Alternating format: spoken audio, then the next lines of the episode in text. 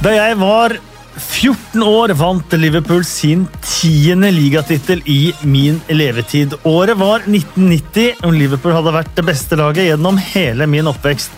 Det var ikke laget jeg holdt, på, holdt med, men laget jeg holdt med, var til og med nære å snyte dem for tittelen en sesong der Arsenal endte opp som mestere. Men det var unntaket. Regelen var at Liverpool sto igjen med ligatrofeet.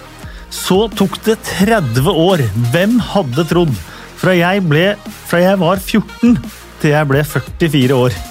Graham Sunes, Roy Evans, Gerard Houllier, Rafa Benitez, Roy Hodgson, Kenny Dalglish prøvde igjen, og Brendan Rogers. Noen var nære, men det er egentlig overraskende hvor få ganger Liverpool har vært virkelig nære de siste 30 årene. Så kom Jørgen Klopp. They have to think they can reach the expectation of the fans and the press. If someone wants help, to uh, they have to change from doubter to believer, sa han på sin første pressekonferanse som Liverpool-manager. Så endret han hele den røde delen av Mercyside fra tvilere til troere, og nå er Liverpool ligamester igjen. De har aldri ventet lenger mellom to titler. 30 år! Men nå er nummer 19 deres, og det første av typen som fikk nytt design med Premier League i 1992-93. I denne podkasten skal vi høre fra de tidligere Liverpool-spillerne Vegard Heggem og Stig Inge Bjørneby. I tillegg så skal Steinar Bjerkman og en av supporterklubbens grunnleggere, Torbjørn Flatin, stikke hodet innom. Dessuten blir det spørsmål fra Twitter og litt Bill Edgar i dag og, og her, sammen med meg, sitter et A-lag av Premier League-kommentatorer. Espen Ween og Øyvind Alsaker. Tusen takk. 30 år! 30 år er ufattelig lenge. Nå er det jo lag som har venta mye lenger på ligatittel. Jeg husker jeg var på Rebook Stadium og så José Mourinho synke sammen etter to Lampard-skåringer i 2005. Da var det 50 år siden Chelsea hadde vunnet ligaen. Og så har vi jo dette Aguero-øyeblikket i 2012 som, som stiller en lengsel som vel hadde vart i 44 år. Mm. Men det som gjør Liverpools mangel på ligatittel til gjenstand for så mye oppmerksomhet, det er jo rett og slett at de, som du var inne på i sted, hadde for vane å vinne. Sånn at da blir det liksom en, en annerledes ventetid. sant? Det blir ja, hvert, hvert, år blir liksom litt lenger enn et uh, vanlig kalenderår. og, og 30 av de blir liksom nesten absurd for oss som er så gamle å huske storhetstida. Uh, og så er det jo, syns jeg, som jobber med det som vi gjør, da, fascinerende å se uh, Hva var det som skjedde? sant? Altså Det å med fasit i hånd gå, gå i dybden på de tingene, mekanismene, det er jo veldig gøy. altså. Veldig spennende. og de begynte jo 1991 fantastisk, sant? Mm. Så de var jo til jul så var det jo bare cruising uh, mot uh, nummer 19. Og så er det så er det sånn som av og til skjer i fotball Altså. Hvis, hvis konstruksjonen ikke er sterk, hvis liksom hvis klubben har ignorert for mange elementer over for lang tid, så skjer det der nesten umerkelig. Så plutselig så er du liksom ikke best lenger. Og så har du vanskelig for å akseptere det, for du har vært best så lenge. Og det gir jo mange år med sånn hva skal du kalle det, selvfornektelse, nesten. Altså det, det her er jo hm, Nei, men nå må vi liksom Nå signer vi han, og så er vi liksom i orden igjen. Sant? Sånn er det jo ikke. Og Hvis vi ser på Manchester United, så ser vi jo en veldig slående parallell i mm. nyere tid. altså Det er det, det, er andre tider på mange måter, eh, og finansielt er jo Manchester United kan du si, mye sterkere og har fulgt mye bedre med i timen enn det Liverpool gjorde eh, for 30 år siden. Nå. Men det har jo gått noen år, altså. Dette var nummer sju etter Ferguson. sant? Så Sju år. Det går sånn. Plutselig har det gått 30. Så det er veldig spennende og, øh, og fantastisk av Liverpool, må jeg si. Ikke bare får de denne oppmerksomheten fordi de har venta lenge. De får jo også fordi de vinner som de gjør. Men det er morsomt du skulle nevne det så tidlig, for man ser parallellen 80-tallet også. Manchester United venta 26 år før de vant sitt eh, ligamesterskap. Og da var jo litt sånn omkvedet på Old Trafford at hvis Liverpool eh, eh, Nei, eh, omkvedet på Anfield at hvis, Liverpool, hvis Manchester United finner ut av ting, så kommer de til å bli skumle. Eh, Og det er litt sånn man kanskje har tenkt omvendt nå, da. Hvis Liverpool finner ut av ting, så blir de fryktelig skumle. Eh, Så dette går jo i, går i sirkler. Ja, jeg er jo eh, faktisk eh, si, så ung, eller eh, var så lite fotballinteressert fram til jeg var ti, at jeg husker ikke, husker ikke Liverpool-historien sitt. Altså, jeg opplevde ikke den annet enn det man har lest om, litt det samme som Maradona, liksom. Så så, så ikke han all Han verden. missa mye, altså. Ja, han har det. Jeg har det. Ja. Maradona. Nei, altså Jeg har jo sett Maradona, ikke det, men, men når vi sa at han er verdens beste spiller, og sånn, det er vanskelig for meg å si. Men jeg håper jo at jeg har noen år igjen, så jeg kan sitte her om eh, 10-15 år og se tilbake. Men, men eh, jeg husker veldig godt eh, Manchester Uniteds første tittel, og da euforien som var der. Eh, og tenkte liksom, ja ok, det, jeg skjønner at de er veldig opptatt etter 26 år og, og sånne ting. Altså, men hele tiden så tenkte man at Liverpool, kom, at Liverpool hele tiden skulle komme tilbake. og Jeg tror kanskje det har gjort det i 30 åra enda vondere og, og latt på litt at det er nettopp Manchester United og Alex Ferguson med sitt uh, pidestall-sitat uh, når han tok over. Han skulle slå Liverpool ned fra den pidestallen, men nå kan vi være i ferd med å se at den pidestallen er snudd. Da. Det er som du er inne på, Øyvind, den parallellen er, eh, den er i ferd med å bli slående. Liksom. Det er, som det er syv år, plutselig kan det være mer. Så, så jeg skjønner jo 100 eh, den euforien som er nå. Eh, Og jeg skulle ønske kanskje at jeg var født litt tidligere, så jeg hadde fått med meg den forrige storhetstiden nå, men jeg er veldig glad for at jeg lever nå. Da. Så jeg får se, får se det de holder på med nå, for det er som du også sier, Øyvind, at måten de vinner på, er jo det som, i hvert fall for meg, da, gjør det enda mer ekstraordinært. Hvordan vil dere karakterisere måten Liverpool har uh, vunnet på? Er ikke, man kan ikke se denne sesongen isolert. De hadde tross alt 97 poeng forrige sesong. De har vunnet Champions League, de har vunnet Supercupen, de har vunnet VM for klubblag. Uh, alle titler er på Anfield nå. Jeg husker i fjor sommer, da. ehm, satt ikke vi her da og diskuterte eh, den kommende sesongen og vurderte liksom eh, ja, hvem er favoritt, av Liverpool det siste steget nå med den sultne gjengen som var så nær osv. Og, så og så kom det jo inn en del innvendinger da, eh, som gikk på spillerkjøp, eller mangelen på spillerkjøp.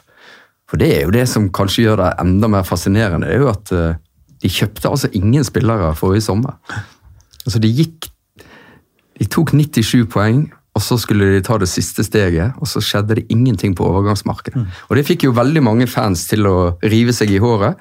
Veldig mange eksperter til å eh, tenke City tar det igjen. De hadde jo tross alt uh, henta inn et par spanske landslagsspillere, vel. Så, eh, så der var det på en måte uh, etterfylt litt. Men der ser vi igjen eh, hvordan Jürgen Klopp eh, altså endrer perspektivene våre. sant? Nå er det jo en ny sommer der det ikke ser ut som det skjer noe. Kanskje kommer det noe når vi nærmer oss eh, oktober, og hvis dette vinduet da skal, skal vare litt lenger, og, og det er en mer avklart situasjon rundt pandemien osv. Men eh, i utgangspunktet så snakkes det jo nå om de unge spillerne skal opp og, og, og bli eh, en del av denne stallen. Eh, og jeg tror jo Liverpool-fansen de har jo ikke noe valg nå. Sant? De må jo bare stole på at Jørgen Klopp vet hva han snakker om.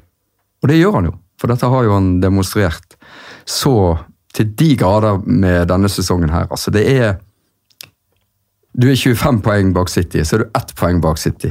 I en sesong altså, som Altså der entrer vi en ny æra. Forrige sesong, med de to lagene. Når, altså når to lag ligger og, og leker med 100 poeng, eh, så har du entra et nytt nivå. Eh, og så klarer jo ikke City å holde oppe det trøkket som de har hatt i to sesonger. Så de er jo nede på Guardiolas første sesong, sånn nivåmessig, poengmessig. Mens Liverpool har jo tatt enda et steg, altså. Eh, men den pandemien gjør jo at disse rekordene og hvor mange poeng det blir til slutt, det synes jeg, det er selvfølgelig interessant for historiebøkene, men jeg syns ikke det skal eh, veie så tungt når du skal vurdere denne Liverpool-utgaven. Fordi at de har vunnet ligaen så suverent så tidlig, eller seint om du vil, men med sju kamper igjen.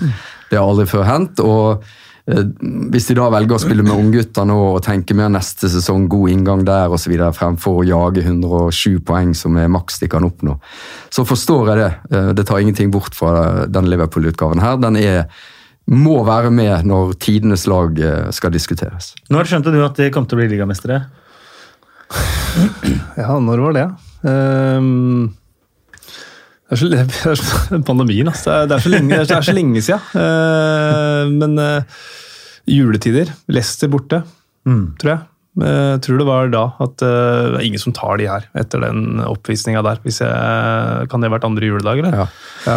Mourinho var klar etter City-kampen da. Eh, på Anfield 3-1 der. Da var det vel ni poeng. Da sa han 'this is over'. Det var det. Han vet jo hva han snakker. Ja. Jeg tvitra i romjula at nå var det bare å gratulere Liverpool med ligamesterskapet. Da fikk jeg gjennomgå eh, av Liverpool-fans. Ja. Som ikke vil ha noe jinx, eh, jinx nå. Um, Tenk hva de har vært igjennom. ja, tenk hva de har vært uh, igjennom. Vi kan høre fra en som kom til Anfield to sesonger etter at de vant sitt siste ligamesterskap. Stig Inge Bjørneby. Han, eh, han var nære, men eh, heller ikke han klarte å vinne ligatittelen i, sin tid, i sin tid på, på Anfield. Stig Inge Bjørneby i eh, Liverpool fra 1992 til 2139 ligakamper for klubben. eh, To mål. Eh, Gratulerer så mye, Stig Inge. Jo, tusen takk for det. Det er jo store saker. Ditt forhold til Liverpool i dag, hvordan er det? Det er todelt. Det er eh, emosjonelt eh, sterk eh, sterkeste barndomsminnet jeg har, er vel å lese at Liverpool lå på toppen av tabellen en gang i uka, da, når jeg henta østlendingen i, i postkassa. Og det er, det er et sterkt emosjonelt minne. Og så har jeg jo et profesjonelt, langvarig karriere der. Som eh, for så vidt er en litt annen opplevelse, men eh, jeg har jo sånn sett eh, i sum et veldig sterkt forhold til klubben. Så hvordan har denne, denne sesongen opplevdes, da? Som, jeg holdt på å si nesten som forventa. fordi det har, jo, det har jo skjedd noe der nå, det, under spesielt Arne Klopp. Eh, det er noe med entusiasmen og det kollektive som foregår. Eh, det er humør, det er, eh, det er en helt enorm intensitet. Og eh, samtidig så er det en veldig sånn eh, trygghet med en positiv energi som eh, jeg har sett gjennom hele sesongen har plaga livet av Manchester City. Eh, Da du ankom Liverpool, så var det bare to år siden sist de hadde, hadde vunnet ligaen. Eh, Nå har det gått 30 år. Var det mulig å forestille seg da du, da du ankom, eh, ankom Anfield? Nei, egentlig ikke. Eh, Det tok jo det tok jo litt tid også før de forsto uh, hva som faktisk var i ferd med å skje i den engelske ligaen. For det gikk gjennom en voldsom pro en profesjonalisering Uh, i forhold til treningsprinsipper, profesjonalitet, uh, ledelse. Det var en hel masse områder som for så vidt gjennom hele min periode i klubben gikk Premier League på alle mulige områder gjennom en voldsom profesjonalisering og en, en endring i kurs, på en måte. Hvor eh, mye av den gamle engelske, tradisjonelle, litt konservative skolen, måten å gjøre ting på, eh, som for så vidt også Liverpool var, var eh, på mange måter en foregangsfigur. Ved, ved å lene seg til det tradisjonelle og det konservative med Shankly og Paisley og etter hvert Dalglish. Så, så kom, eh, kom størrelser som Arsène Wenger litt fra sida. Ingen visste helt hvem han var og hva han sto for, men så, men så sto han jo for Han var jo en slags pioner som, som ble veldig smittende på mange klubber. Og så, og så skjedde denne profesjonaliseringen, og så var det ujevn takt på i hvor stor grad eh, de gamle, tradisjonelle klubbene klarte å henge med på den utviklingen. Ja, for Du må nesten ha tenkt da du kom til Liverpool, ikke om du noen gang skulle bli ligamester, men hvor mange ligatitler du skulle ha når du, når du skulle gi deg? Jeg kan love deg at det var ikke sånn jeg tenkte. for Det, det, vært, det er liksom ikke sånn jeg tenker heller. fordi jeg tror, du må, jeg tror du må ha et helt annet fokus enn å tenke resultat. Du er nødt til å tenke utvikling. Og jeg, jeg var nok Jeg så, jeg så jeg, tror nok at jeg så litt hva som var i ferd med å skje, og hva, hva kanskje Liverpool mangla. Vi sto også gjennom et uh, veldig tydelig generasjonsskifte uh, i den, i hvert fall min første periode. Jeg var jo der i mange år, og mm. det skjedde jo mye også i Liverpool i den perioden. Uh, men det generasjonsskiftet som er, var jo veldig tungt for klubben. fordi at når jeg kom, så var det jo mange igjen av de som hadde vunnet mye. Mm. Og det er, som vi vet, eh, vanskelig altså, Det er mye lettere å skape resultater enn å gjenskape resultater. Det å mm. gjenskape resultater er det vanskeligste. Og det, det, det ser du med Manchester City nå også. Det er, en, det er en betydelig mental prøvelse å klare å vinne på disse nivåene år etter år etter år. etter år. Mm. Eh, dere var jo nære da, i 96-97. Det starta jo egentlig med at eh, du skåra sesongens første borte mot, mot Middlesbrough. Eh, mm. Følte du den sesongen var den sesongen dere nesten burde klart det? Ja, definitivt. Altså, I mine år så var det jo den sesongen vi definitivt burde ha klart det. Mm. Og det er jo litt tragisk at vi ikke klarte det, for vi var, vi var best i to tredjedeler, kanskje tre fjerdedeler av sesongen. Og så sprakk vi opp litt på slutten og ble vel nummer fire i en litt sånn tett uh, batalje på slutten der. Ja, Det var ikke mange kamper igjen da dere lå head to head mot, uh, mot uh, Manchester United der. Og så var det, var det et 1-2-tap hjemme mot Coventry der før det var de siste resultatene skal man kanskje ikke, ikke nevne. men ja, jeg var på julebord med det som de kaller seg selv for The Legends. Ja. Eh, før jul nå, og hadde en lang eh, og hyggelig passiar med min gamle manager Roy Evans inne i en krok ved baren som varte ganske lenge. og Han ergra seg fortsatt over de kampene der. Det kan jeg forstå når jeg husker tilbake på de også. um, men nå er 30, 30 år uh, ventetid er, er, over. Ser du for deg nå at uh, dette er et Liverpool-tre som kan vokse inn i, inn i, himmelen, og at det er på en måte på vei inn i et nytt sånn dynasti, da, hvor, hvor Liverpool vinner jevnlige ligatitler? Ja, hvis de ikke fokuserer for mye på det selv. Mm. Jeg tror de må fokusere på, på å fullføre den sesongen her med, med samme trøkk og tæl og vise hva de står for hele veien og hva som betyr noe for dem, hvilken verdi de har. og hva, altså Det som Klopp står for, er veldig sånn verdibasert. Det er empati, det er, det er lojalitet, det er humør. det er, eh, ikke sant? Altså, mm. Hvis de bygger videre på det, og, og, for da danner man en kultur. Eh, og det er, den, det er, jo den, kulturen som til enhver tid gjør seg gjeldende i garderoben og rundt laget, som, eh, som vil avgjøre om de klarer å holde det det trykket og den sulten og den, eh, det som skal til sånn, sånn mentalt og kulturmessig. For, å, for, å, for, for, nå har de skapt resultater. De har vunnet Champions League, de har vunnet, eh, Premier League, som eh, var det aller viktigste akkurat nå. Mm. Uh, og så kommer man veldig fort inn i en fase hvor det handler om å gjenskape. Og Det er uh, på mange måter vanskeligere enn å bygge opp noe og, ska, og skape resultater i utgangspunktet. Men når man skal gjenskape, holde på hegemoni, bli jakta på av alle andre osv., så, videre, så så, så, er det en, en, ny type utfordring som de står overfor nå. Og det med, med, det de representerer om dagen og har gjort nå de siste par-tre åra, så bør jo det være mulig. Mm. Ble det noe feiring, eller har det blitt en eh, stille, stille glass vin og litt ettertanke og en liten tåre? Altså, jeg, jeg, jeg, personlig har ikke feira ennå, sånn sett, men jeg ble oppringt utover natta fra, fra Liverpool eh, når det var klart. Da. Så jeg sov jeg sov dårlig og gleda meg med dem. Og, og, sånn, Men jeg tror um, jeg er invitert på noen tilstelninger utover sommeren her som handler om å feire dette ligagullet, så det blir sikkert noen, det blir sikkert noen muligheter. Ja, Det hørtes kjedelig ut. Gratulerer så mye, og tusen takk for at du tok deg tid. Bare hyggelig. I like måte. Ja, Han nevner jo det at uh, Roy Evans fortsatt ergrer seg etter 96-97-sesongen. Uh, Øyvind, og selv om de var De vant så å si eh, eller var med eh, hvert år omtrent gjennom eh, Shankly, Paisley, Fagan, Dalglish-tiden, så, så, er det egentlig overraskende hvor få ganger de har vært virkelig nære på de siste 30 årene. Ja, det, det tror jeg er viktig å, å, understreke. og de beste forsøkene, som det siste da i 2013-2014, da Gerard gikk på på trynet på Anfield. Um, eh, var jo Det var jo høyst reelt. Da var de virkelig eh, der oppe, og det, hadde, det, det var nesten en perfekt storm da, for det laget der.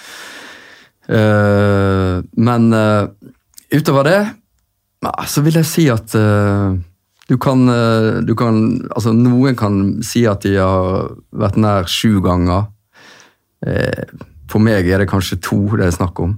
Det som er slående òg, er jo at de forsøkene de har gjort, det var jo ikke eh, en klubb som var bygd for vedvarende suksess. Det var jo sånne freak seasons, nesten.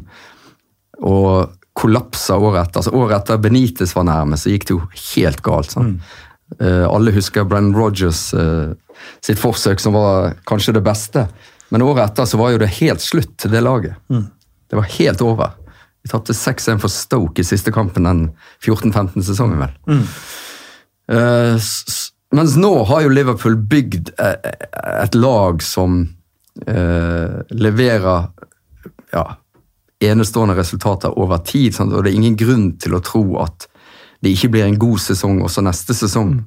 Det er ingen som kan forestille seg at Liverpool uh, ikke skal være med. Om de vinner er jo en helt annen sak, men at de kommer til å vinne mange fotballkamper og være et av topplagene, det, jo, kan vel ingen tvile på. Eh, Hvis vi skal titte litt på sesongene de har vært eh, nære Du var inne på 90, eh, 91. Da kom jo klubben gjennom 80-tallet, hvor de var dominerende, og hvor Liverpool som by var dominerende, og Everton eh, var jo der eh, også. Eh, Hillsbro-tragedien eh, skjedde. Kenny Dalglish, som vel var i samtlige begravelser etter, eh, etter tragedien. Nesten 100 stykker. Eh, de ledet og var, eh, hadde i hvert fall var, Om de ikke var på vei mot the double, så hadde de i hvert fall meget gode muligheter til the double igjen. Eh, ledet ligaen med tre poeng da Kenny Dalglish fikk nok i, i februar. Og så, og så rakna det. Og Kenny Dalglish har jo på mange måter vært ja, Du så jo det også etter, etter ligamesterskapet nå, hvor, hvor ekstremt viktig figur han er i klubben. Ja, og jeg syns jo det var eh, en veldig vakker stund når Jørgen Jürgen Klopp eh, inkluderer Kenny Altså, dette er også Kenny Daglishes ligatittel. Dette er også Steven Gerrards. Han kalte det vel The Soul and the Legs of Liverpool Football Club. Det er jo, han har jo en eh, enestående evne til å si og gjøre de rette tingene, Jørgen Klopp, også i denne triumfens stund. For det den historien Liverpool har, den enorme suksessen den klubben har opplevd, har jo vært selvfølgelig en enorm tyngde å bære for eh, alle Liverpool-generasjoner opp gjennom 90-tallet. Og selvfølgelig også for Jørgen Klopp. Han har jo kommet inn og brukt det til noe eh, bra og vært tydelig på at vi må skrive vår egen historie. Og når de vel gjør det, så er han veldig snar med å, å hylle disse gamle heltene. Da. Eh, veldig fint. Eh, Så hadde du 96-97-sesongen, som jeg er inne på, med Stig Bjørneby. Eh, Spice Boys-generasjonen til, eh, til Liverpool, mest kjent den sesongen egentlig for at de møtte opp i FA-cupfinalen i hvite, hvite dresser. Eh, Kanskje en, litt eksempel på den kulturen som gjorde at man var fantastisk på sitt beste, men kanskje ikke hadde staminaen til å vinne et ligamesterskap. Ja, og da, jeg tror jo da at uh, Da hadde Ferguson på en måte bygd Manchester United. Sant? Med, han kasta jo ut de, de som drakk Paul McGraw, alle disse her forsvant jo fra sant? Han så jo hva som krevdes da for å skape et topplag, sant? Og, og bygde dette med lokale unggutter, sunne verdier, gode holdninger. Og et sånt nådeløst øye for når endringene måtte skje, da, for liksom å holde suksessen vedvarende. Og der var nok ikke Liverpool, altså. Eh, sånn holdningsmessig så var de nok ikke på samme nivå. Eh, og det må du være, skal du vinne. Eh, Neste gang var jo 0-1-0-2. Kanskje ikke så nære, men du hadde Gerard Holier som manager. Hadde vunnet cup treble eh, sesongen før. Måtte gjennom hjerteoperasjon, ble borte i fem måneder, og så eh, raknet den sesongen både i Europa og eh, med ligaen. En som spilte i Liverpool på den eh, tiden, og som shaket hands med Steven Gerrard da Gerrard fikk sin Liverpool-debut, det var eh, Vegard Heggem. Vegard Heggem i Liverpool fra 98 til 2003. 54 ligakamper, tre mål for laget fra Anfield. Og det er vel egentlig bare å si gratulerer så mye, Vegard. Tusen takk. Ditt forhold til Liverpool eh, i dag, hvordan er det? Man blir jo eh, påvirka av å spille for Liverpool i fem år og bo i Liverpool i fem år. Og det var jo en fantastisk tid. Det var jo guttedrømmen som gikk i oppfyllelse. Og aldeles praktfull eh, del av verden å tilbringe fem eh, år i. Med utrolig hyggelige folk. Og så helt siden jeg måtte legge opp og flytte hjem, så har jeg fulgt, eh, fulgt klubben tett og, og vært hardcore supporter. Så det var stort at det ble et ligagull omsider. Ja, hvordan har denne sesongen opplevdes for, uh, for deg? For det er klart at Du hadde fem år i klubben hvor man ikke vant uh, ligaen. Det er jo 17 år siden du dro derfra. Uh, fortsatt ikke noe, noe ligamesterskap. Man har vært nære et par ganger. Hvordan har denne sesongen vært? Først og fremst så har det vært en oppvisning i fantastisk fotball.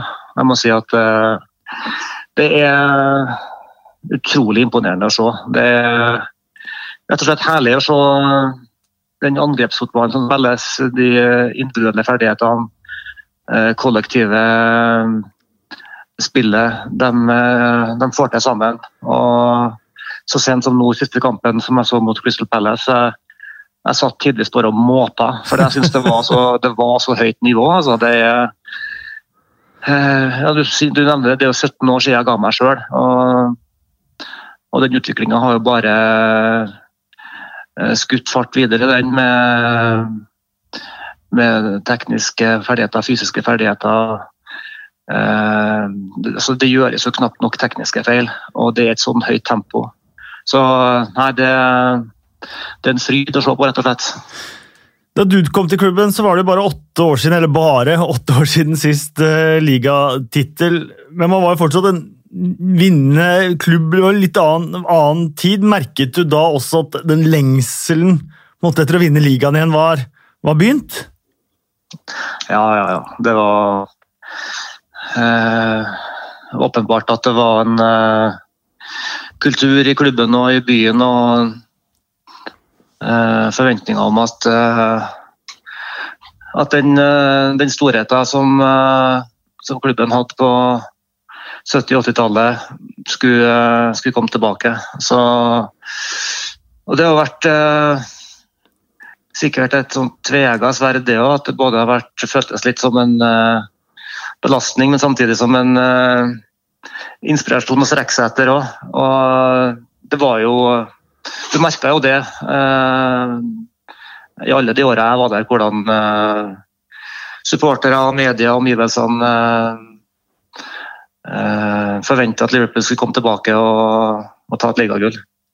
Du var ganske nære også, i, eller dere var ganske nære. Du spilte jo ikke eh, så mye da du var skadd i 01-02, men hadde hatt suksess med cup treble, kom veldig godt i gang. Så måtte Holier ha hjerteoperasjon.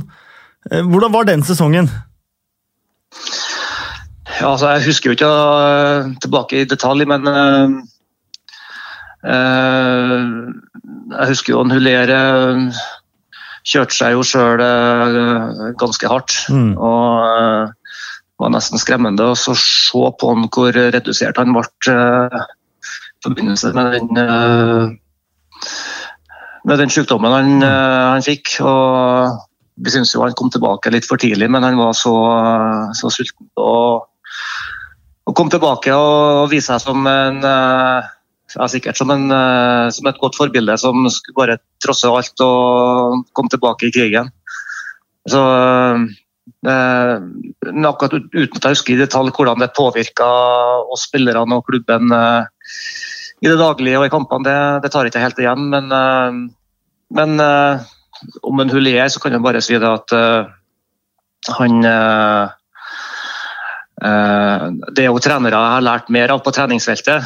Eh, selvfølgelig Nils Arne Eggen eh, lå jo øverst der. Men Hulier var litt av en, en proff, rett og slett. Som og en dyktig fotballpolitiker. og Han fikk jo gjennom enorme endringer i klubben og på Melwood i treningshverdagen vår med fasiliteter. og Tok med seg en del kontinental utvikling inn i Premier League. Så det skal han ha ha mye ære for. Og så har du på mange måter skrevet deg inn litt i klubbhistorien, litt, eh, skal man si, litt ufrivillig, fordi at Steven Gerrard han fikk jo sin Liverpool-debut da han kom inn for deg. Ja, stemmer det. Han har blitt påminnet det en del ganger. Alltid når det er noe spesielt med en Steven Gerrard, så blir jeg ofte oppringt av journalister. Og uten at det at han kom inn for meg og gjorde debuten sin, skulle gjøre meg kvalifisert og si noe spesielt om han, men uh, Men spesielt at han ikke fikk uh, oppleve ligamesterskapet, kanskje? Ja, det var jo uh, hjerteskjærende at, at, det glapp det året der under Brenton Rogers med at Steven Gerrard sklei. og og Chelsea bare kunne spasere inn et, et mål der. Nei, Han hadde virkelig, virkelig fortjent det. Så nei, han, Jeg husker han godt fra da han kom på Melwood som ung akademispiller og var tynn og skikkelig streng. Og jeg tenkte at han der har et stykke igjen før han uh, kan bli førstelagsspiller. Men uh, han hadde sånn guts og vilje og tøffhet at han uh, kom raskt inn i det. og Debuten kom jo fortere i hvert fall jeg hadde forventa, men han snudde seg aldri tilbake etter det. Så helt til slutt, hvordan har det vært, hvordan har ligamesterskapet blitt feira?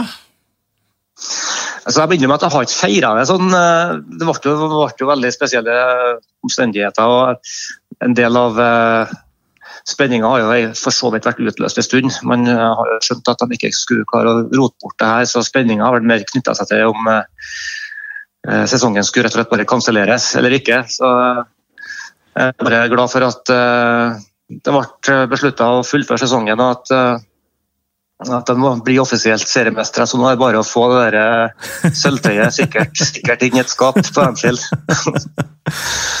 Tusen takk, eh, Vegard. Gratulerer så mye. for å bare nyte, nyte sommeren.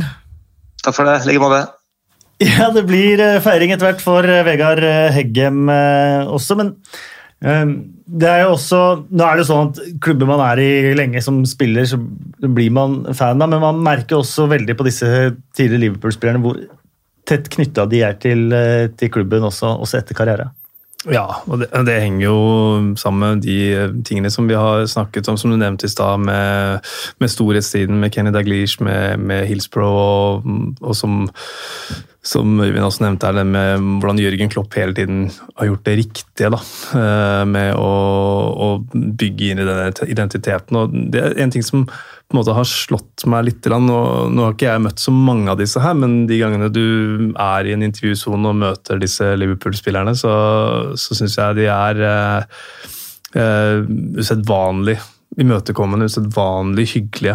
Eh, nå vinner de stort sett, da, så det er jo sikkert lettere, men, men allikevel. Altså det, eh, og det, virker, altså det er jo, en, det er jo en, en, veldig spesiell eh, klubb, og du ser jo på på, på feiringene nå også. Det, det virker som at uh, de aller fleste som har vært der, ikke bare over lang tid, men over kort tid, blir veldig knytta til, uh, til klubben. Altså, så Nei, det, det er uh, Jeg blir altså, ja, hva skal jeg si, litt tom, tom for ord, for det, er, det var Men det er fascinerende å se en klubb som har en rød tråd på så mange steder, både med fansen, med tidligere legender, med alle som er knytta til klubben, og så utrolig lite rød tråd i det sportslige. Mm. Ja, det tror jeg handler mye om den der uh, kavinga som uh, som uh, slår inn når du plutselig blir knocked off your effing perch. Mm. altså, det er et eller annet Du kaver liksom litt i blinde. Sant? Du har ignorert kanskje forretningssiden av, av driften over lang tid. Sant? Det er ting som du drar med deg i årevis. Sant?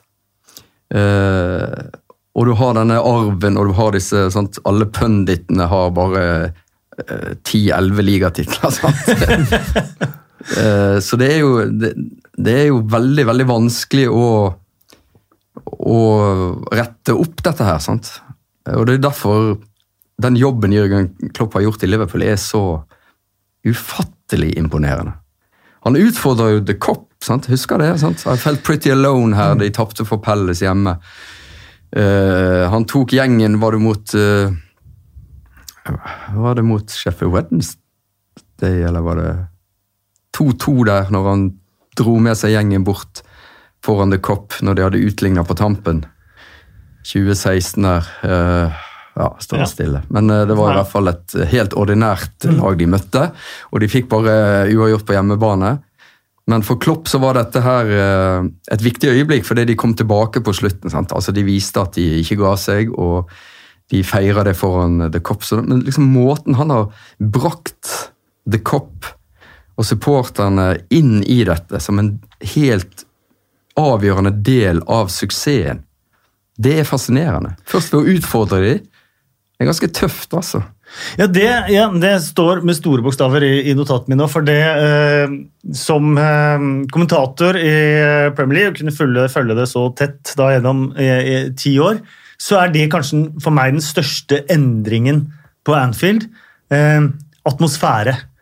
Eh, spesielt de klokka tre-kampene på, på, lørdag, for å være helt ærlig. så På et par av de kampene på Anfield og kan ta med Old Trafford og, og et par andre arenaer på, på, det, så har man omtrent vært i begravelser med bedre, bedre, stemning. Og Det var noe av det første Klopp tok tak i. Um, og den atmosfæren føler jeg har vært med på å dra Liverpool framover, da. Mm. Ja, jeg mener det, det er jo et, altså en en forutsetning for suksess det er at det er harmoni. Harmoni fra eierne, managerne, det sportslige støtteapparatet og supporterne. Og spillerne. Altså, alt dette må henge sammen. Mange eksempler på det motsatte. Newcastle, f.eks. Mm. Stor klubb, enorme muligheter, egentlig. Vanvittig passion oppe i, i nordøst. Men en uh, upopulær eier. Full krig. Se på Arsenal, mm. når Wengers tid gikk mot slutten. Altså Nesten borgerkrig. sant? Se på United her når de har kava som verst i perioden etter Ferguson.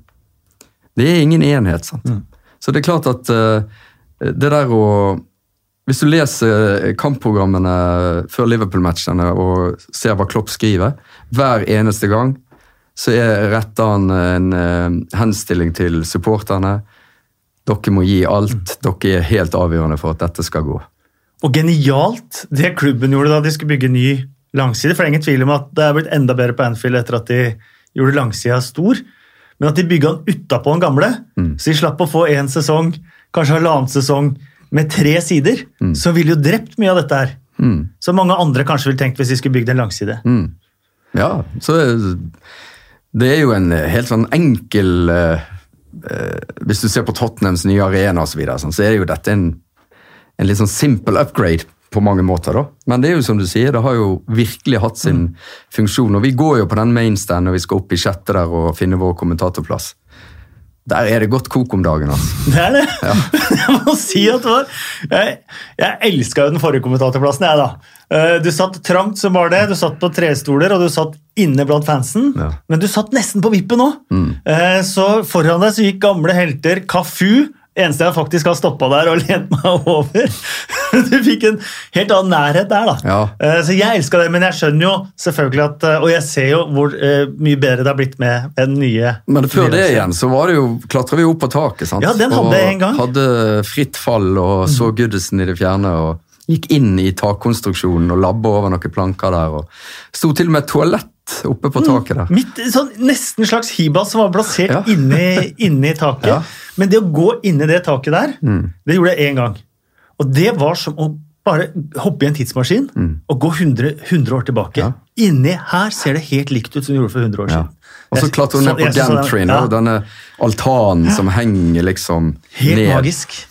jeg syns jo det var den uh, råeste plassen å kommentere. da. Jeg hadde Suárez-bitinga. Mm. Det var den eneste gangen jeg fikk, uh, ja, ja, ja. fikk på den, uh, den, plassen. Det var fantastisk. Um, 08-09, du var så vidt inne på det. Leda med sju poeng vel på det, på det, meste. Rafa Benitez med en rant om sir Alex Ferguson og og alt annet, det burde han vel ha lært av Kevin Keegan, at det sjelden er lurt. Um, og så hadde vi den da Steven Gerrard sklei før forrige, forrige sesong. Dette, denne Liverpool-årgangen Du nevnte jo pundits med 100 ligatitler i beltet, og som alltid har sin rett til å, å mene det de vil mene ved sine meritter. Um, og flere har jo ymta frampå at denne Liverpool-gangen den er god, men ikke like god som, som, de beste tidligere. Men hvordan vil du ranke den, denne årgangen opp mot, mot, de beste årgangene? Det er jo det der uh, uh, Å sammenligne epoker er helt umulig, sant. Uh, nå stemte jo våre seere ut Maradonas VM-mål mot England fra 1986. Altså Tidens tann gnag i stykker eh, fortida, helt enkelt. Ingen nevner Pelé som verdens tidenes beste spiller lenger. Det handler rett og slett om at tida går. Utviklinga er rivende. Eh, og selv om jeg husker slutten av 70-tallet, når Liverpool var altså, helt fantastiske Jeg husker jo selvfølgelig 87-88-gjengen som er løfta frem som kanskje noe av det ypperste. Tok vel 30 kamper før de tapte sin første ja. den sesongen òg. Ja. Ja. Men eh, altså det Liverpool gjør denne sesongen, her, gå ut altså Vinne så å si hver eneste fotballkamp de spiller. altså det, det, det står ikke tilbake for noe. altså det må, På en eller annen måte så må det sånn rent rasjonelt eh, gå inn i historien som den eh, villeste utgaven. Det mener jeg. Men så er det jo dette Du så jo Daglish hvor fornøyd han var nå når de vant ligaen. Jeg var jo og snakka med han, fikk sitte en halvtime på Kenny Daglish-stand og prate med selveste sir Kenny, da. Uh, og da spurte jeg jo han uh, Ja, er det sånn at uh, van Dijk nå kan sammenlignes med Ellen Hansen og Trent Alexander Arnold? Er han liksom Er det Phil Neal? Liksom, snakker vi det nivået? og Sånn, altså. Og da svarte han vel Det var slående, da. Da svarte han liksom at well, They're doing it right now, but show me the medals. Mm. Altså, sant? Så det ligger, Han er jo en mild eh, fyr, uh, men uh, han, er, han er liksom et Liverpool-produkt, altså. Mm. Der skal det vinnes. Mm. Og Det var helt sånn åpenbart at uh, ja, det, det, er kjempebra, det er gøy å se på. De, de, de spiller god fotball, de vinner, det er helt topp. Men de må, de må stå igjen med noe etter sesongen, altså. Det er viktig. En som har vært med på hele denne historien og, og var med å stifte supporterklubben til Liverpool i Skandinavia og Norge, det var uh, Torbjørn Flatin. En av uh, Norges største Liverpool-supporter heter Torbjørn uh, Flatin. Han var med å stifte den norske eller skandinaviske supporterklubben til eh, Liverpool. Han har vært redaktør for medlemsbladet The Copied en mannsalder. Han trer inn i pensjonistenes rekker i eh, sommer, men da var det vel fantastisk å kunne avslutte disse, ja er det 40 eh, år med ligamesterskap, Torbjørn? Ja, det er det. Eh, og eh, det er 30 år som jeg har venta på ligagullet. Så at vi da skulle greie å greie det igjen, det var veldig stort. Det, vi, har, vi har hatt mye å glede oss over som Liverpool-supportere opp gjennom åra, for all del. Men vi har venta veldig på det ligagullet. Den gangen vi vant sist, i 1990, så hadde vi jo ikke drømt om at vi skulle vente så lenge. Så det, det har vært veldig spesielt. Ja, Hva hadde du sagt hvis noen hadde sagt til deg at uh, dette var det siste dere skulle få oppleve på, på 30 år i 19, 1990? Nei, jeg hadde vel eh, nærmest ledd av det, tror jeg. Uh, det virka så usannsynlig det der og da. Men, men sånn er det. Altså vi, jeg husker jo det at vi glisa fælt at uh, det tok Manchester United 26 år å vinne ligaen. uh, så endte vi opp med enda lengre rekke, så uh, det bare viser at du skal ikke ta noe for gitt som fotballsupporter. Sånn er det. Du, 1980, da tok du og Pål Christian Møller grep og lagde en supporterklubb for Liverpool i, i Norge som, som også, også var for Skandinavia. Mm. Ja, eh, vi gjorde det. Altså, det var jo det, Vi tok jo egentlig litt over for en som heter Thomas Larsen. Eh, Thomas Larsen Bergheim eh, senere. Han er dessverre ikke blant oss lenger. Eh, som hadde gjort et lite forsøk, og så eh, begynte han på en militær karriere og, og følte at han ikke hadde tid, og, tid til det. Så eh, jeg og Pål var, vel to av de som hadde engasjert seg eh, på det forsøket der. Da. Så eh, blei vi sånn etter litt fram og tilbake enige om at vi skulle møtes i, på gutterommet til Pål. På Kjelsås i Oslo. Og, og, og fant ut at vi, vi prøver. Og vi hadde vel ikke noe, noe slags formening om hva dette skulle utvikle seg til å bli. Vi, vi hadde vel først og fremst en tanke på at vi ønska å selvfølgelig skape litt kontakt blant Liverpool-supportere, men kanskje først og fremst å komme med litt mer informasjon. Mm. Dette var en annen tidsalder hvor det fortsatt var nokså lite informasjon fra engelsk fotball. Eh, Tippekampene var jo godt i gang, men eh, allikevel, altså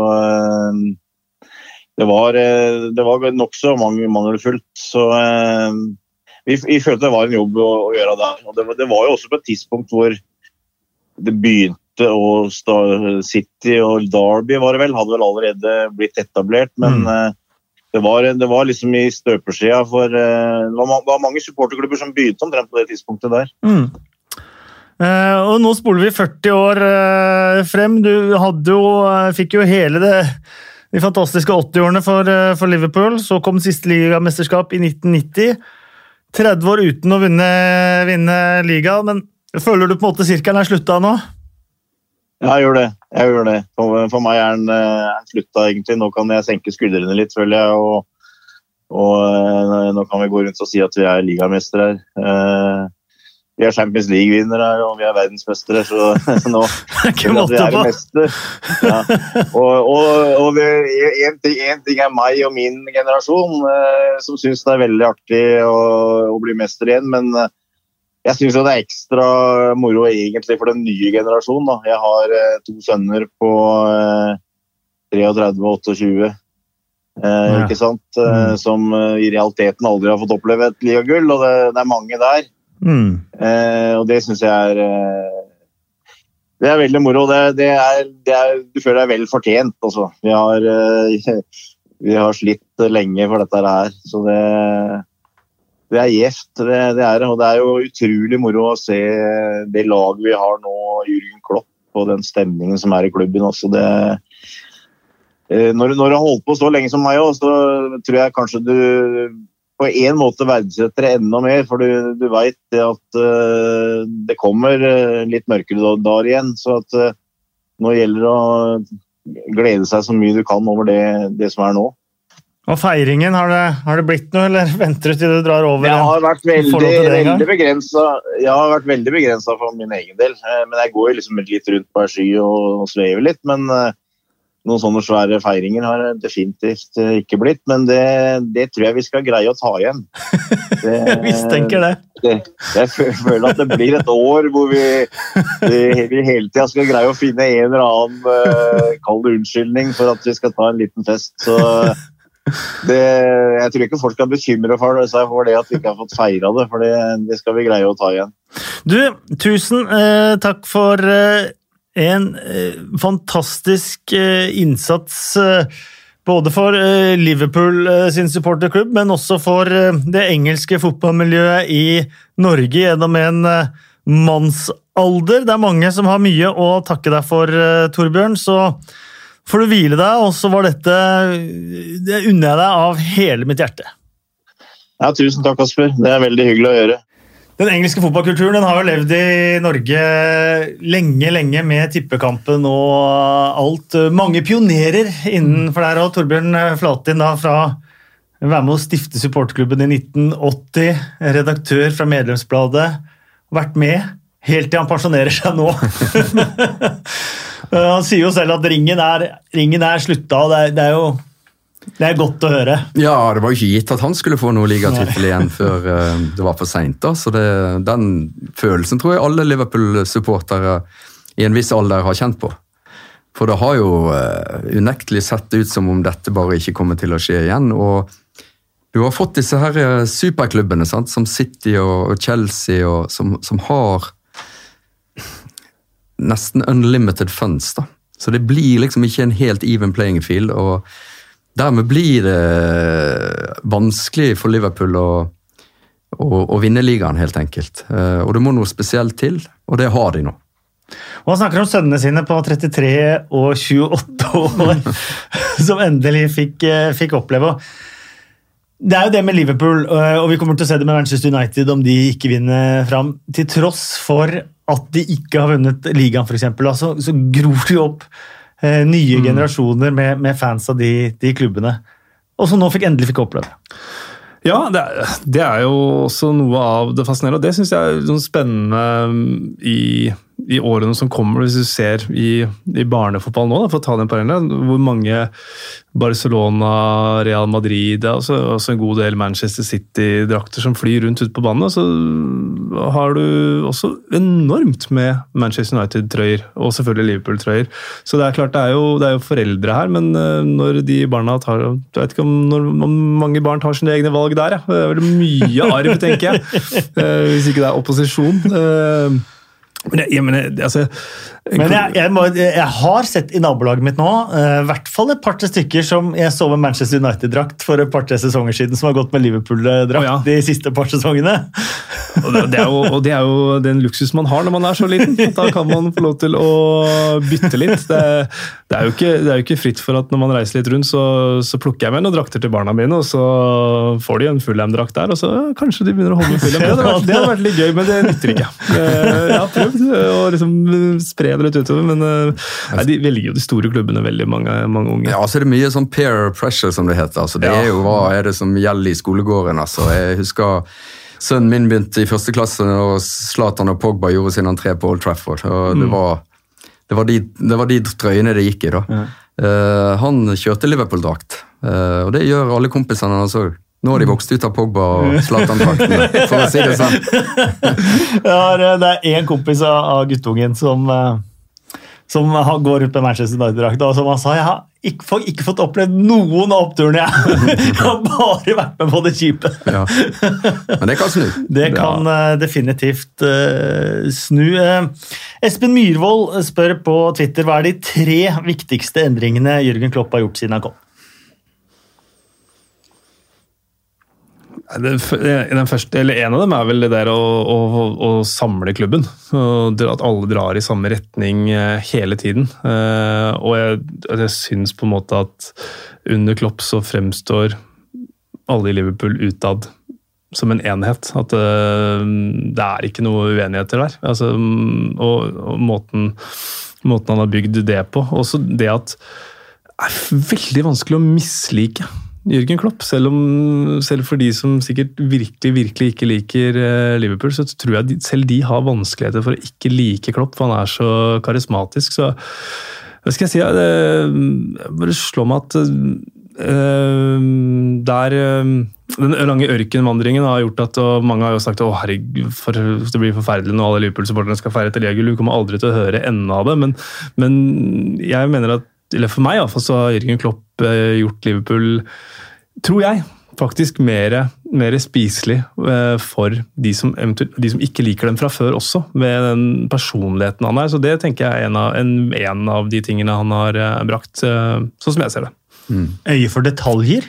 Ja, ja. Altså, se på det byggverket. Mm -hmm. Det er altså så ufattelig imponerende. Uh, to år brukte han. De første kom i 2016. Han har ikke bomma med et spillerkjøp. Altså, jo, det har han, men uh, det, det, føles riktig å si at han ikke har gjort det. Mm. For det har vært uh, helt ubetydelig. Mm.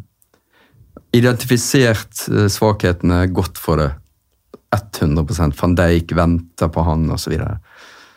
så øye for detaljer, det derre Altså, det er jo en manager her som vet hva som skal til, helt åpenbart og som er helt trygg på sin egen metode. Som ikke lar seg affisere av fans som skriker om nye spillere, eller Altså, han har identifisert Jordan Henderson som eh, kanskje den viktigste spilleren for, for Liverpool. Bare det, det er et enormt tøft og hadde vist seg helt korrekt valg. Eh, så det er i hvert fall én ting. Altså en eh, enorm autoritet autoritet på fotball. Han er jo verdens beste manager. Det kan jo på en måte ikke diskuteres, selv om Pep Guardiola har sine fans og City kanskje har liksom et, eh, et høyere tak når alt er vidunderlig. Så har de jo vist denne sesongen at de har ikke den der eh, mentaliteten som kreves for å ikke tape fotballkamper. Ja, det må jo innom òg, for at, øh, jeg har jo sett fotball i over 40 år. Og jeg tror aldri jeg har sett et lag ha mindre uflaks i løpet av en sesong enn det Liverpool har hatt. De har hatt uflaks én gang som jeg kan komme på. Det var på Old Trafford, da de spilte 1-1. og eh, var det Origi som ikke fikk eh, frispark i forkant av eh, Manchester Uniteds scoring? Ja, Mané, kanskje. Mané var det. Mm. Det er eh, tror jeg, eneste gangen de har hatt uflaks denne sesongen. det, det er helt merk Man ser ofte at de lagene som vinner, de har mer flaks og mindre uflaks. Og de lagene som rykker ned, de har hatt de rykker ned, Man rykker ikke ned hvis man ikke har litt uflaks på veien også. Men det å aldri ha uflaks You earn your luck. You earn your luck. Så det, det, det henger jo selvfølgelig sammen Ja. med det at de har De har på en måte eh, radert ut muligheten for uflaks på en eller annen måte. Altså den balansen Klopp makter å, å holde mellom risiko og adventure, er jo hemmeligheten her. sant? Hvor mange er- ettmålseiere har de? 14? Så det er jo ikke sånn at de liksom har feid alle lag eh, av banen og vunnet Nei, De har 5-0. vunnet på alle mulige måter. Mm. Alle mulige Enten har de. Mm. feid, eller så har de hatt flaks, eller så har de kjempa inn en. eller så har de, de har liksom Alle måter man kan vinne fotballkamp på, de har vært gjennom spekteret denne sesongen. Ja. Mentality Monsters. Mm. Det er jo ei, åpenbart en unik gruppe Mm. eh, han har samla, og så er det åpenbart en unik leder. Mm. Som sier de rette tingene på de rette tidspunktene. Som gjør at denne gjengen liksom stadig eh, får ut mer, da. Og blir liksom som enhet sterkere og sterkere og sterkere, og til slutt uimotståelig. Da kan vi ta spørsmålet fra Markus Svensgaard eh, også. Eh, Topp tre signeringer til Klopp i Liverpool-tiden. Helt umulig å svare på. Er det det? Ja, Vil du ikke trekke fram Hvis jeg skulle trekke fram, så er det to som jeg var sånn, de to siste puslespillbitene. ja selvfølgelig. Alison og van Dijk. Selvfølgelig, de må inn. Eh, men Og Sala var ikke dumt kjøpt. da. da Nei, men, ja, men, det, nei. men uh, Robertson var vel en decent signing. Mhm. Eh, Gini Wijnaldum. eh, Sadio Mané. Altså, det fascinerende for meg er at ingen av disse var verdensklassespillere når de kom til Liverpool. Mm. Ingen av dagens Liverpool-gutter var det. Alison var kanskje det var kanskje nærmest en slags Han var jo brasiliansk landslagskeeper og men ikke verdensklasse. Nå er han verdens beste keeper. Van Dijk er verdens beste midtstopper. Det, den diskusjonen er jo lagt død. Se på Fabinho som midtbaneanker. Robertson altså, For meg er det vanskelig å liksom plukke ut tre av disse. Alle er jo viktige på, på sin måte i et kollektiv som er så ufattelig bra, og alle disse spillerne han har signert, har blitt bedre under. Har blitt verdensklasse i Liverpool-drakt under Jørgen Klopp. Fascinerende for meg er å se hvordan han har brukt tid på de. Mm. Da Alberto Moreno drev og tulla til på venstrebekken. Hvorfor spiller du ikke Robertson? Ah, ah. Tålmodighet. Gradvis. Det var et halvt år han ikke spilte en kamp, omtrent. Fabinho det samme. Eh, Trent Alexander Arnold, eh, apropos den en, var det, en- Nei, det var 0-2-kampen, den. Borte mot Stoke. Eh, Hvor Alexander Arnold og Ben Woodburn spilte begge to. Ingen av de så ut som de var i nærheten Nei. av å kunne bli det de har blitt. Samtidig så visste man Alexander Arnold trukket fram av Steven Gerrard og sånt, noe, så man tenkte, men eh, den tålmodigheten han har, han har vist, og selv når man kanskje har vært litt desperat etter faktisk å bruke de, da, så har han likevel venta til tiden var sett. Jeg syns Robertson er et eh, kroneksempel der. Eh, Første kampen hans tror jeg var mot Crystal Palace hjemme. Da var han veldig god. Og så var han ute eh, neste ukene. Da spilte han plutselig ikke. Så alle bare, Hvorfor spiller ikke han? Nei, men da sikkert testa han, og så han brukes tid på å bli verdens beste venstreback, som han nå er. Eh, så Eh, og ja, nei, det, er jo, det er jo fascinerende det der med at de, de har blitt verdensklasse. Det er rart å tenke at van Dijk ikke var verdensklasse før han kom til Liverpool, men han var jo ikke det. For da hadde jo antageligvis andre klubber henta han enn Southampton uh, før, før når han gikk fra Celtic, hvis han var verdensklasse da. Alderson hadde vel én sesong eller i Roma bak seg hvor han var førstevalget. Eh, men ja, det er enorme på, på å identifisere de, de, hullene som må tettes, og finne den akkurat riktige brikken. Ja, altså, der, selvfølgelig det teamet, Nå skrives det stadig oftere om teamet rundt Klopp, da. Men det er jo helt tydelig det ypperste i, i ligaen for øyeblikket. da. Og Det de er veldig opptatt av når de signerer spillere, er jo karakteren. sant? Hvis, hvis du går gjennom de, de fleste av de Liverpool-spillerne, har opplevd ganske tøffe ting. altså. Mange av de har rykka ned. sånn mm. Robertson har mm. rykka ned, Wijnaldum har rykka ned. Altså det der, Hvordan takler du motgang? Sant? Hvordan reiser du deg etter et slag? da? Mm. Uh, det tror jeg kanskje er litt sånn underkommunisert. At det, det, her er en tropp med enormt sterke typer. altså. Se på Jordan Henderson. Liksom. Mm. Det er jo en historie en unik historie, vil jeg nesten si. Ta over for Gerard, være utskjelt, koste 20 mm. mil fra Sunderland. Hva er det han, Avskrevet av Hva er det han kan? Han Alex kan jo Ferguson. ingenting. Han løper rart, sier Ferguson. Liverpool-fansen hakker på han hele tida. Mm. Se på han og den sesongen her, hvor viktig han er. Hvordan han holder alle på tå hev. Ingen slipper unna. Van Dijk, litt slurv, bang, får det.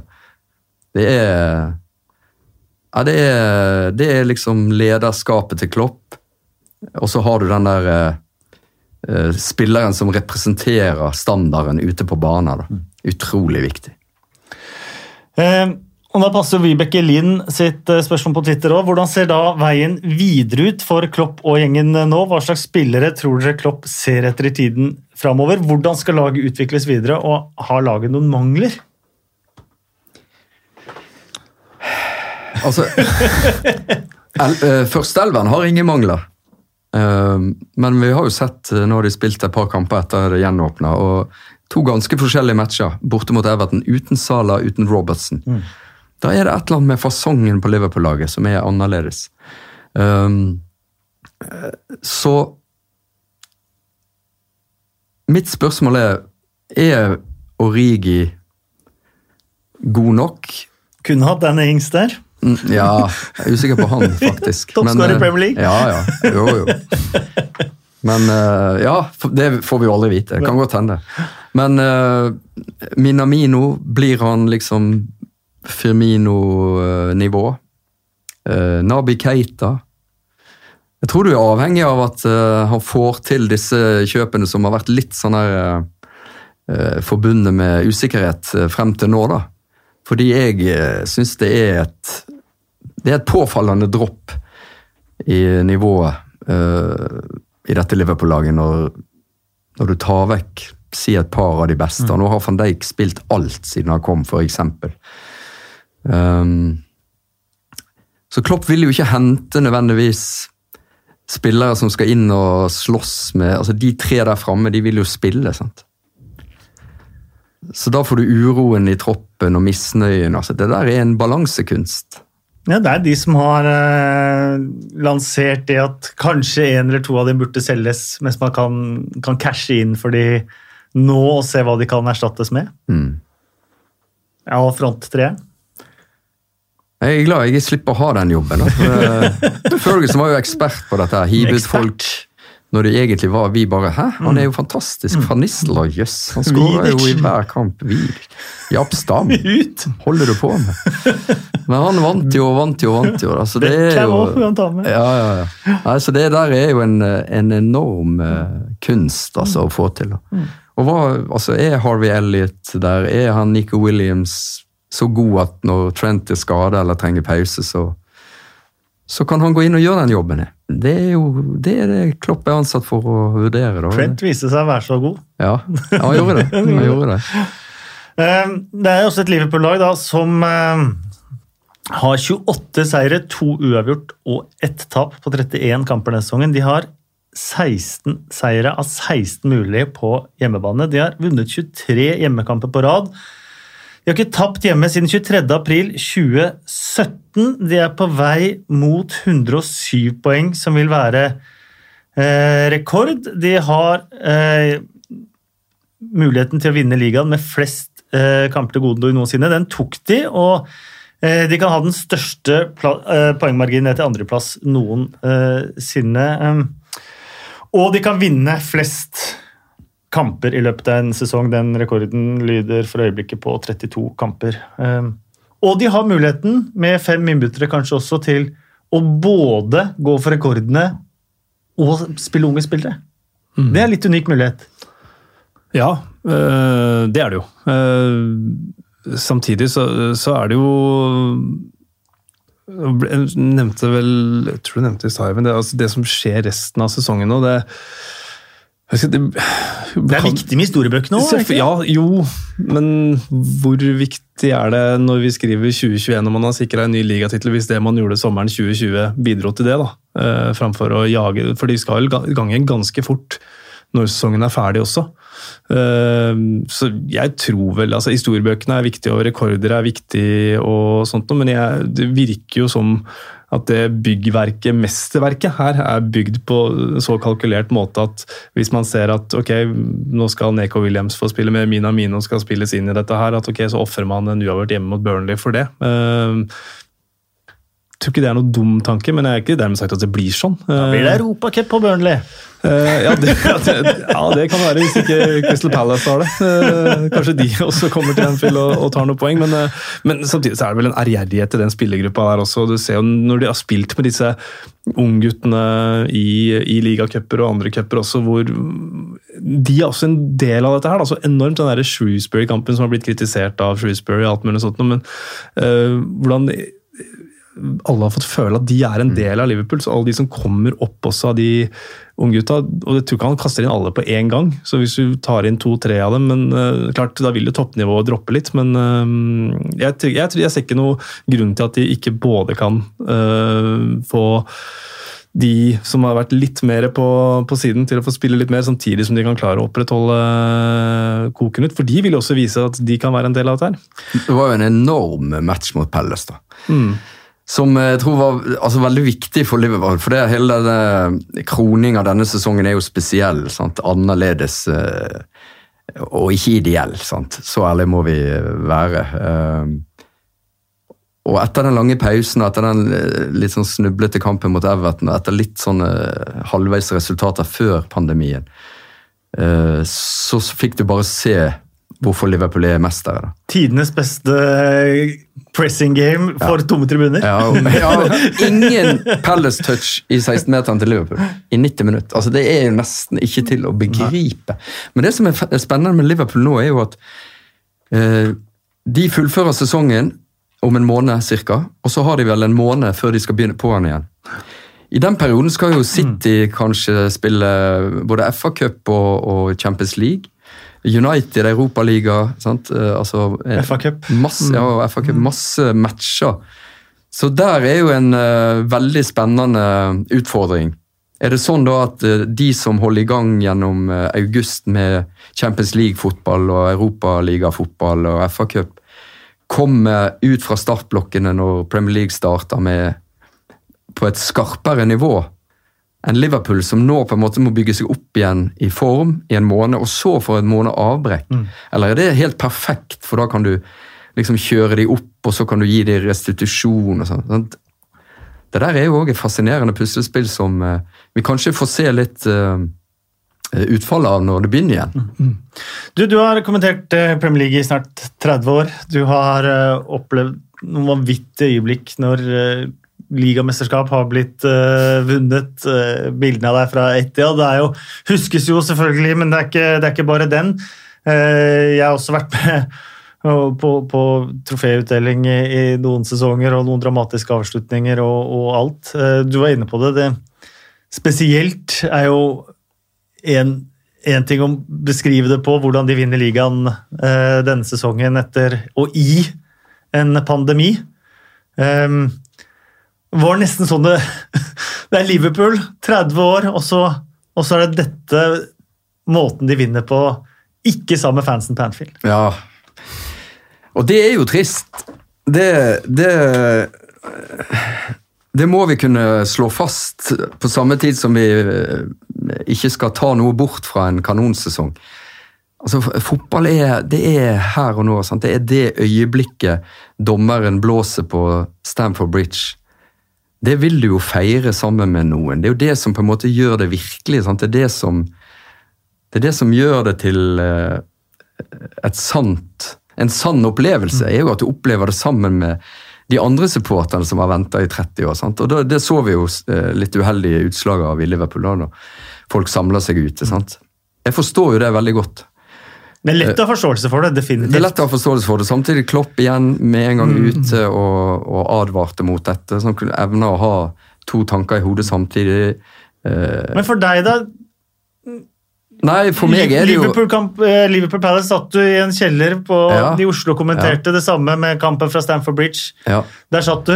Nei, nei, det blir annerledes. Det blir ikke like fint som det kunne blitt. Det, det er ikke noe å legge skjul på. og uh, Liverpool uh, har jo sagt uh, vi skal feire dette sammen når anledningen byr seg.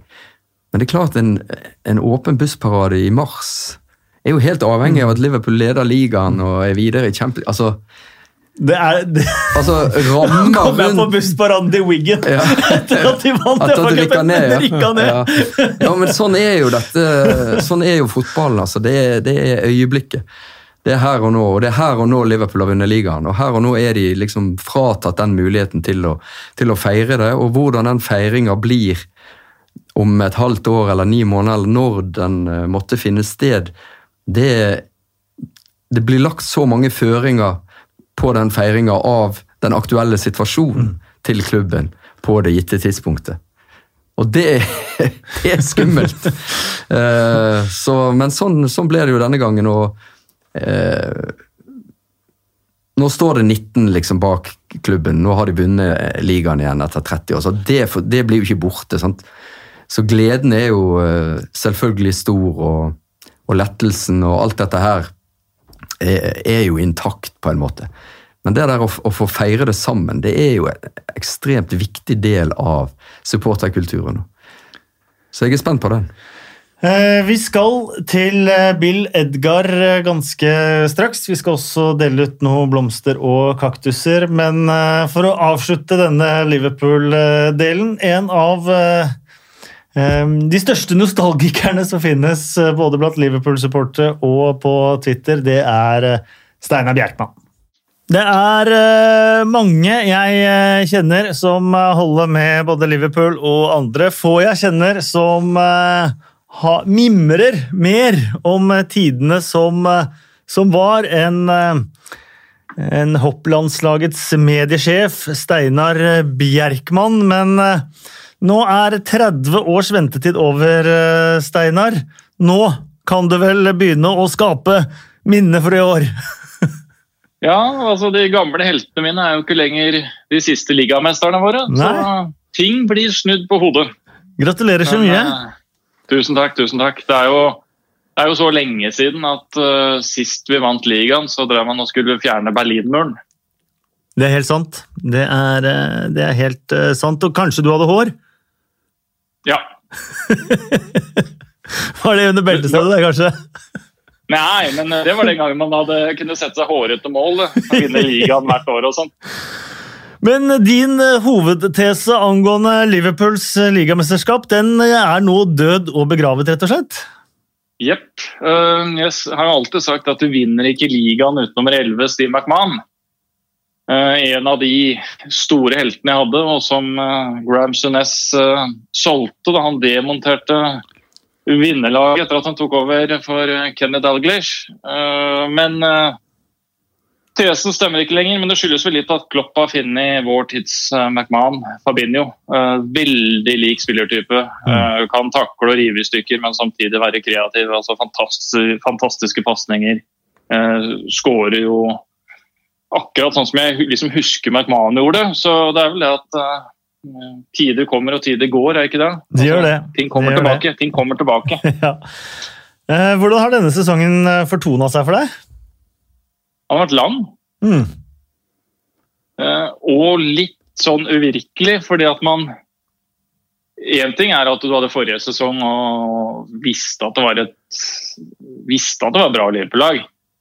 Uh, men så vet du at City, som har vært så gode noen sesonger, uh, fortsatt var med der. Og så bare ser man jo gradvis at dette er et lag som ikke taper kamper. Det er et lag som ja, det var egentlig bare United, så at de ikke ga bort poeng heller. Mm. Så begynner man å telle ned. ikke sant? Det er fem kamper unna, kanskje. Fire kamper unna. Og så er jo det når du har venta 30 år, da, så så det ut som vi måtte vente litt til. Da, for da begynte det å dukke opp viruser og og sånn, det, er liksom, det er jo liksom helt uvirkelig. altså Vi som husker badeballer og alt mulig rart. Amerikanere uten eh, penger og en Sune som solgte unna alt. og henta spillere som ja, Island Cosma var vel i Hall of Fame oppe i Dunfermline, men eh, ja, vi har vært med på så mye at det ville jo egentlig ikke være overraskende om du måtte stryke hele sesongen da, når du først skulle greie det. uh, bortsett fra det, når var det du innså at vet du hva, i denne sesongen blir vi ligamestere? Ja, det er faktisk et utrolig godt spørsmål. For uh, det er vanskelig liksom å sette at du er helt sikker, men det er klart kampen mot Leicester var en sånn mm. Hva skal du kalle det? Det var ikke bare et signal om at her, dette kan gå, men det var en sånn maktdemonstrasjon som jeg nesten ikke kan huske jeg har sett av Liverpool faktisk nesten i enkeltkamper heller, eh, siden storhetstida. For det, mm. altså, mange husker uh, Nottingham Forest f.eks., hvor Liverpool bare valsa over uh, Brian Cloughs lag. Så det er jo Altså, vi må ikke glemme at Liverpool har en enorm stolt historie, eh, men vært veldig lite nær å ta den ligatittelen de siste 30 åra. Én ting er jo at du ikke vinner, men man har jo nesten aldri vært i posisjon heller. Mm. Så denne sesongen her har egentlig vært litt sånn uvirkelig, fordi maskinen bare går og går og går. Og det er jo en fantastisk, ikke sant? Og vi har en fantastisk tysker som kan klubben, kan byen, kan fansen. altså første han trekker fram etter at uh, nummer 19 er i boks, det er Kenny Dalglish, liksom. Altså, det, er jo, mm. altså, det, det koker over hjertet mitt. Ja, og vi to, det er vel få som er bedre på å mimre enn en oss to, uh, Steinar. Men når man opplever en sånn sesong, man opplever ligamesterskapet igjen, da, så, så er det på en måte Er det de nye heltene som skinner, skinner sterkest nå? Ja, altså Det der har egentlig vært litt sånn vanskelig for meg. fordi at i, på en måte i voksen alder så får du sjelden de samme kalle Kall det helteinntrykkene som du får som liten. For da er det ting som liksom sitter støpt. altså Takling fra McMahon, en dansende John Barnes, Alan Hansen som aldri gjorde en feil. Bruce Grobelar som uh, kunne varte opp den ene TV-redningen etter den andre. Men så kommer de da, ikke sant. Alison Becker, verdens beste keeper.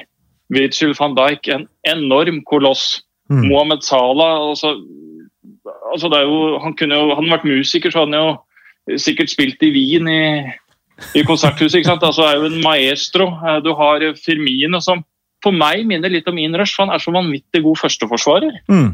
Ikke sant?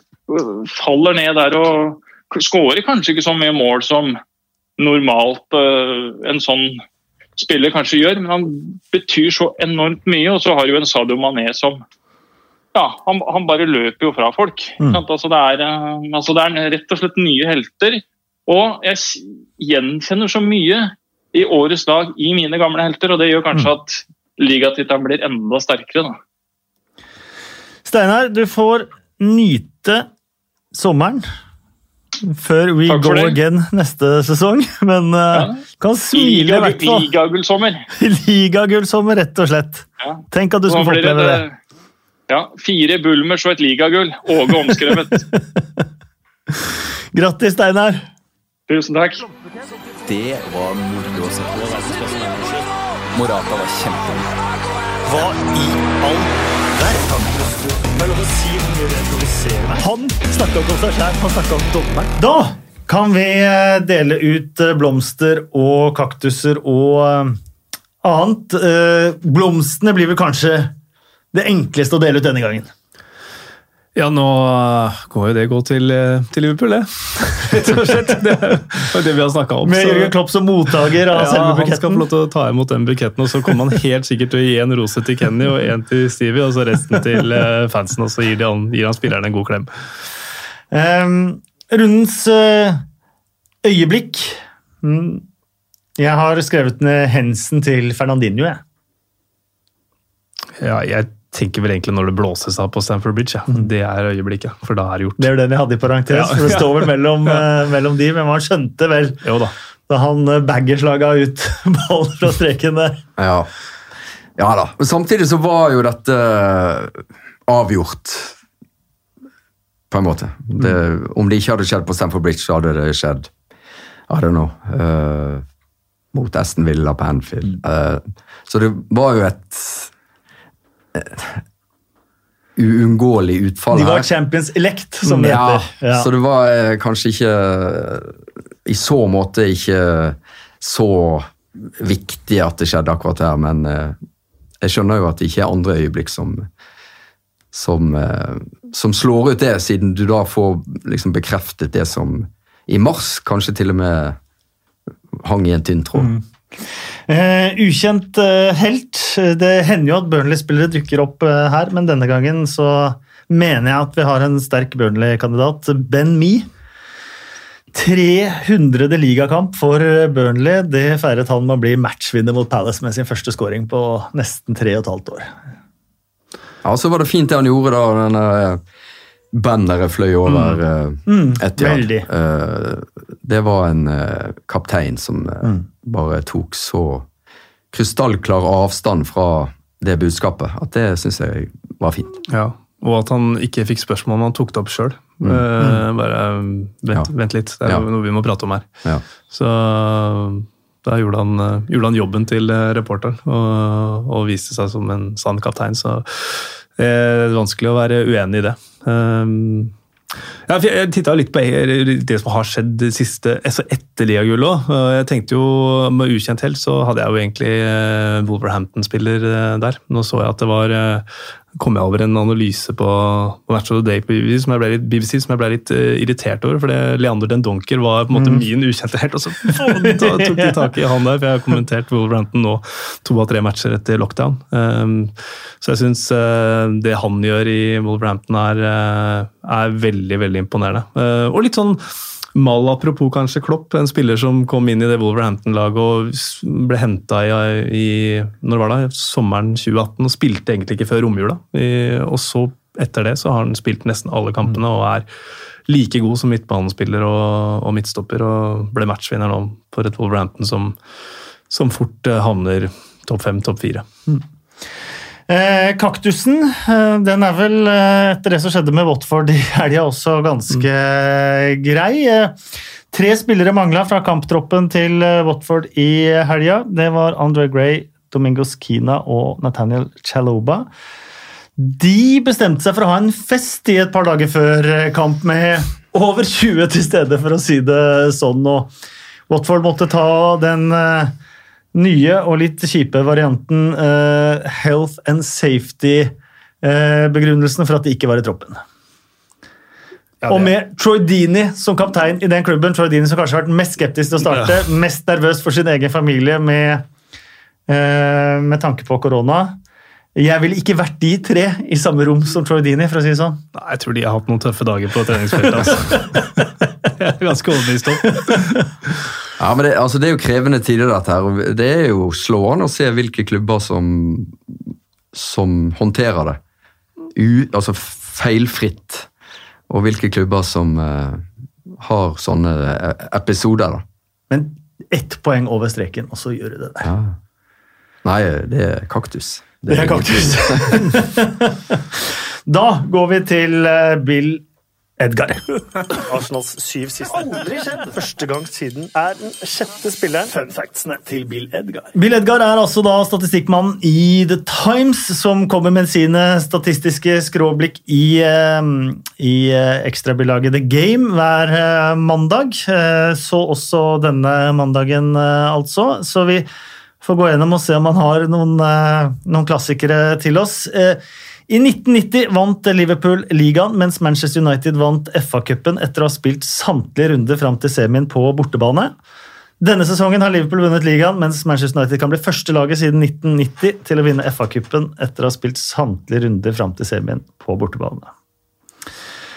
Chelsea har muligheten til å vinne FA-cupen på sitt eget 50-årsjubileum for trofeet i 1970, sesongen etter at Manchester City ble første laget til å vinne FA-cupen med nøyaktig 50 års mellomrom. På tre sesonger har Leicester røket to ganger i kvartfinale i Ligacupen hjemme mot Manchester City og to ganger i kvartfinale i FA-cupen hjemme mot Chelsea. Southampton har tatt 65% av poengene sine på bortebane. Kun to lag har siden oppstarten i 1888 endt med like høy prosentandel av poengene sine på bortebane etter endt sesong. Neil Warnock tilbake i manesjen med seier for eh, Middlesbrough i helga. Han har nå vært manager for 14 ulike klubber i ligasystemet, flere enn noen annen i engelsk fotballhistorie. Foran fire flere enn Steve Bruce, som har ti. Neil Warnock møtte Michael O'Neill som Stoke-manager i helga, men var ikke eneste som møtte en som hadde både som hadde fornavnet hans som etternavn. For Neil Harris møtte også Alex Neil da Milvold møtte Preston. Alexander Arnold og Oxlade Chamberlain er første lagkompiser med X i etternavnet siden Jason Wilcox og Crame Lesaw for Blackburn i 1995. Og de er første lagkompiser i Premier League-æraen med sammensatt etternavn. Så gratulerer til det. Da avslutter vi med fem kjappe spørsmål, folkens. Hvem har vært Liverpools beste spiller denne sesongen? Vi kan ta skråstrek viktigste. Jordan Henderson. Ja. Hvilken plass havner Liverpool på neste sesong? Førsteplass. Førsteplass. Kommer Jørgen Klopp til å være i manager i Liverpool i over ti år? Nei. Jeg får si ja, jeg, da. Blir Danny Ings toppskårer i Premier League? Nei. Nei. Ranger disse tre lagene fra hvem som kommer eh, høyest til lavest ved ferdigspilt sesong. Burnley, Tottenham, Arsenal. Tottenham. Og så Arsenal og så Burnley. det er kjedelig, men Det svarer du på navn. Ja, jeg gjør det. Jeg gjør det. Men jeg tror det blir sånn. Ja, jeg følger det. Ja, jeg så eh, kampprogrammet til Burnley. Ja. Burnley stilte med to keepere og bare juniorer på benken i går. for at eh, De kontraktløse spillerne fra 30. juni, bortsett fra Phil Barchley, så har jo alle dratt. Eh, så de er helt ned på tannkjøttet. Men kampprogrammet er faktisk såpass overkommelig at de er en liten dark horse med tanke på europacupspill eh, neste sesong blitt. Det hadde i så fall vært imponerende. De har tapt to ligakamper siden 1. januar. Altså. Det er vel bare City og Liverpool som har og Wolverhampton kanskje, som har flere poeng etter, etter mm. første nyttårsdag. Så de har vært eh, sterke. Eh, veldig hyggelig å ha deg her, eh, Espen. Veldig hyggelig å få være her. Veldig hyggelig å ha deg her, Eivind. Hyggelig. Og så får vi bare gønne på inne i kjelleren i Oslo de resterende rundene. Gratulerer igjen til Liverpool som eh, ligamestere. Og for deg som ikke holder med Liverpool og syns dette var verdens kjipeste podkast, så ønsker vi hjertelig velkommen til podkast neste mandag, som kommer til å ha litt mer variert eh, innhold. Takk for nå.